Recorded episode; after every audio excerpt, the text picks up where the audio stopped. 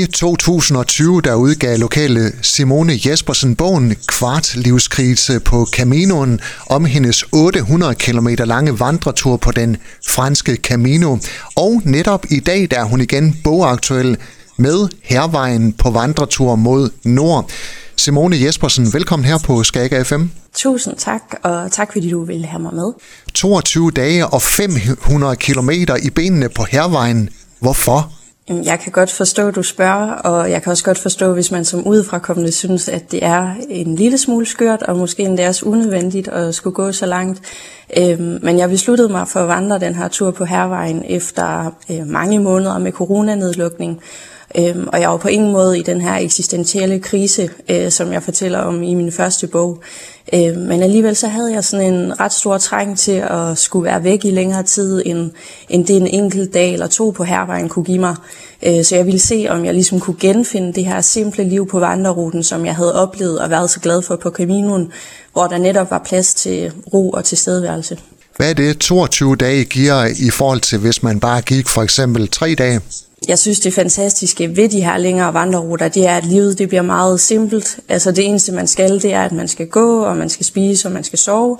Øh, og selvfølgelig så er det en, en forenklet version, men, men hverdagens travlhed og gørmål er ligesom taget ud af ligningen, og det synes jeg er helt fantastisk. Og det gør, at man netop får plads til andre tanker, og man får det her tankemøller ud af hovedet, og man kommer bare i en fuldstændig ro. Hvor du på Caminoen vandrede dig til svar på livets store spørgsmål. Hvad var så formålet med at gå de 500 km på hervejen?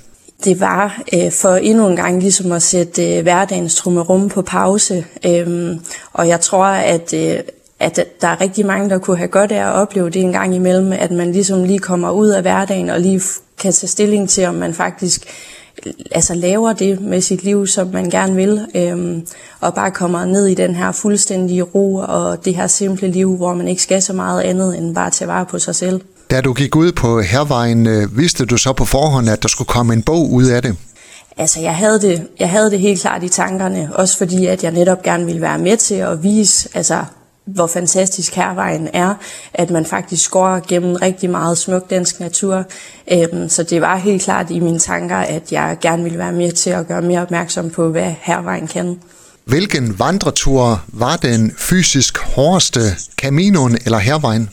Der er nok flere ting, der kan tale for, at øh, den franske Camino, det er langt den hårdeste tur. Altså dels fordi den i sin længde simpelthen er længere med sine 800 km, øh, men også fordi terrænet er markant mere kuperet end det danske. Øh, og dermed ikke sagt, at hervejen er nem øh, langt fra. Øhm, der er adskillige lange strækninger i strandsagen, som jeg synes var vanvittigt hårdt, men også bare terrænmæssigt er den nok mere let tilgængelig for de fleste. Øhm, men det har også klart sin fordel, fordi ruten også bliver mere åben for mange flere mennesker. Øhm, personligt gjorde det så for mig, at jeg kom til at gå langt flere kilometer om dagen, end jeg gjorde på Caminoen. Øhm, nogle gange var jeg op over de her 40 km på en dag, så på den måde sørgede jeg nok selv for at gøre hervejen øh, tilpas fysisk hård. Øh, men de to ruter kan helt klart noget forskelligt være især, synes jeg. Udover dagbogsbeskrivelser i din nye bog, så giver du også gode råd til andre, der får lyst til at vandre på hervejen. Hvad er dit bedste råd? Mit bedste råd, det må nok helt klart være, at man virkelig bare skal kaste sig ud i det. Øhm, hvis man er så heldig at bo tæt på hervejen, så kan man jo altid starte med en lille bid af ruten, øhm, som ligger i ens lokalområde. Og hvis man så får mod på mere, så kan man jo så tilføje mere og mere ruten, eller måske prøve kræfter med, med hele ruten.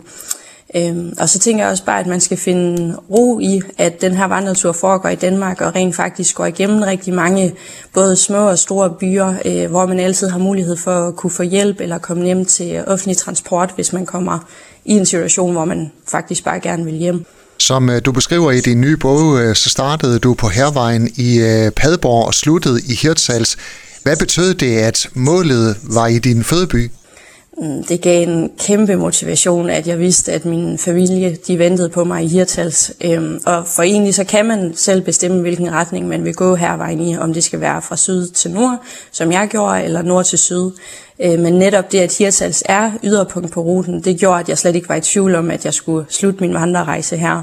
Øh, jeg kom i mål, men jeg kom også hjem, og det var en helt fantastisk måde for mig at afslutte den her tur på.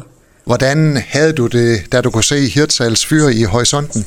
Det var øh, meget, altså det var en kæmpe lettelse, og også fordi, at den sidste dag går jeg, jeg mener det er 43 kilometer, så selvom jeg, altså mine fødder var virkelig brugte, og mine ben var brugte, hele min krop var bare brugt, men det gav bare virkelig fornyet energi at kunne se det her fyr, som jeg har gået ved så mange gange før. Og så viste jeg også, at nu var jeg snart i mål, og nu var den her tur også ved at være ved sin ende. Hervejen på vandretur mod nord hedder altså din øh, nye bog. Hvad er det, du gerne vil give læserne med videre? Jeg håber, at jeg kan give læserne både øh, inspiration og også mod på at komme ud i den danske natur og udnytte, at vi har en virkelig smuk øh, vandrerute, som går hele vejen igennem vores land og som er frit tilgængelig at gøre brug af. Øh, og samtidig så synes jeg også, at den danske natur, den overrasker øh, adskillige gange, når først man kommer ud i den. Altså hvor stor diversitet der er i landskabet, både fra syd til nord, men også øst til vest. Øhm, og det her med, at hervejen, det er en gratis rute, som vi alle sammen har adgang til, og den mulighed synes jeg virkelig, at vi skal udnytte. Først Caminoen og så Hervejen. Hvad er dit næste mål? Jeg har en stor drøm om på et tidspunkt at tage til Japan for at vandre øhm, 1200 km på, på en ø, der hedder Sikoko. Men øh, med snart to børn her til sommer, så må den tur nok lige vente lidt. Øhm, derfor så har jeg blandt andet den øh, portugisiske Camino på lidt over 200 km på listen. Øhm, men også bare generelt, altså vandring i Danmark, øh, Bornholm, Samsø, Nordjylland. Der er virkelig mange muligheder. Øhm, og så tror jeg bare aldrig, man bliver færdig med at vandre, når først man er, man er startet. Bogen Hervejen på vandretur mod nord er ude nu.